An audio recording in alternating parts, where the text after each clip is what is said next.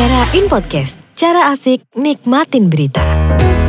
Kembali lagi di Era In Podcast dengan 5 berita pilihan hari ini.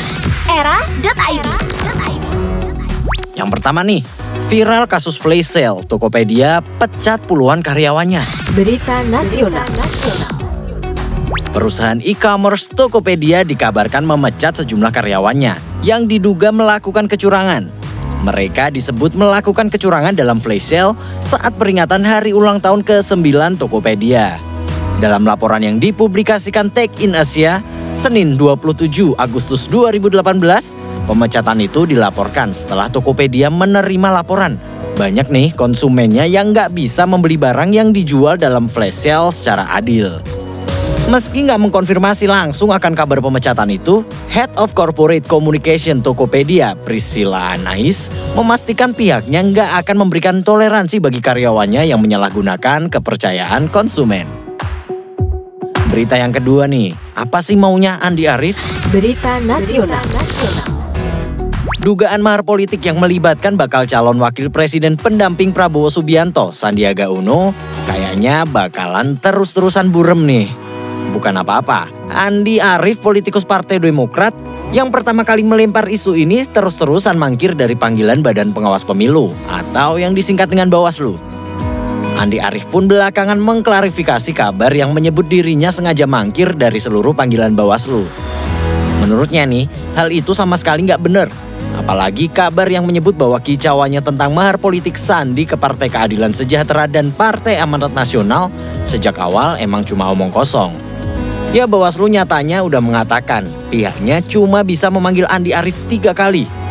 Nah, kalau Andi Arief terus-terusan mangkir seperti ini dan Bawaslu nggak juga mendapat keterangan apa pun, langkah selanjutnya Bawaslu akan bikin kajian terhadap keterpenuhan material atas laporan tersebut dan akan menyelenggarakan rapat pleno pada Rabu 29 Agustus 2018 mendatang. Lanjut berita yang ketiga. Sekarang biaya perkara pengadilan bisa dibayar online nih. Berita nasional. Mahkamah Agung atau MA menaikkan nota kesepahaman dengan sejumlah bank. Hal itu berkaitan dengan salah satu bagian dari aplikasi pengadilan elektronik atau yang disingkat dengan e-court, yaitu pembayaran biaya perkara secara elektronik. Adapun beberapa bank yang melakukan penandatanganan nota kesepahaman dengan MA adalah PT Bank Mandiri, PT Bank Syariah Mandiri, PT Bank BRI Syariah, PT BNI Persero Tbk, dan PT Bank BNI Syariah. MA juga melakukan adendum nota kesepahaman dengan PT Bank Tabungan Negara Persero Tbk dan PT Bank Rakyat Indonesia Persero TB. Selain e-payment, aplikasi pengadilan elektronik juga mencakup pendaftaran perkara secara elektronik dan penyampaian panggilan dan pemberitahuan persidangan secara elektronik. Dengan fitur ini, masyarakat yang udah melalui proses pendaftaran elektronik dapat melakukan proses pembayaran ke rekening virtual dengan metode pembayaran pada umumnya, seperti melalui SMS, internet banking, mobile banking, maupun mendatangi teller bank. Berita yang keempat nih, hakim yang vonis Meiliana ditangkap karena korupsi. Berita Nusantara.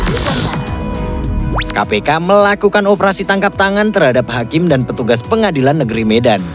Dalam operasi tangkap tangan tersebut, ada delapan orang yang ditangkap termasuk Wakil Ketua Pengadilan Negeri Medan Wahyu Prasetyo Wibowo. Wahyu adalah Ketua Majelis Hakim yang menangani kasus penistaan agama dengan terdakwa Meiliana. Berita yang terakhir nih, Jojo, apakah engkau dilecehkan? Asian Games 2018. Ya Jonathan Christie nih udah bener-bener berhasil menyita perhatian kaum hawa. Jonathan gak cuma jadi idola baru, tapi juga menjadi objek celotehan para perempuan yang bahkan nggak segan mendeskripsikan fantasi seksual mereka terhadap Jonathan di medsos. Kalau biasanya para perempuan begitu sensitif dengan hal-hal berbau pelecehan, bagaimana nih kalau kali ini? Ya kayaknya sih aksi Jonathan lepas atasan usai laga semifinal beberapa hari lalu bikin banyak perempuan lupa soal pertentangan yang mereka pertontonkan beberapa hari lalu terhadap Valentino Simanjuntak, sportcaster ikonik yang sempat diprotes lantaran terlalu sering menyoroti perempuan-perempuan cantik di dalam arena Asian Games. Kami nggak tahu nih bagaimana perasaan Jojo.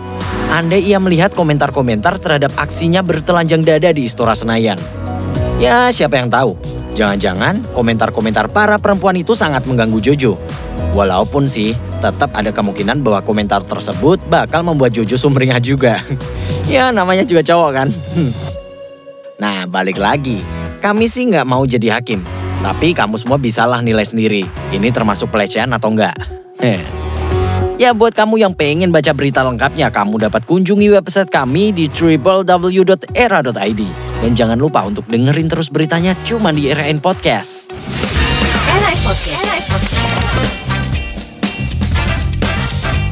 Cek berita gokil lainnya, of course, di Era in Podcast.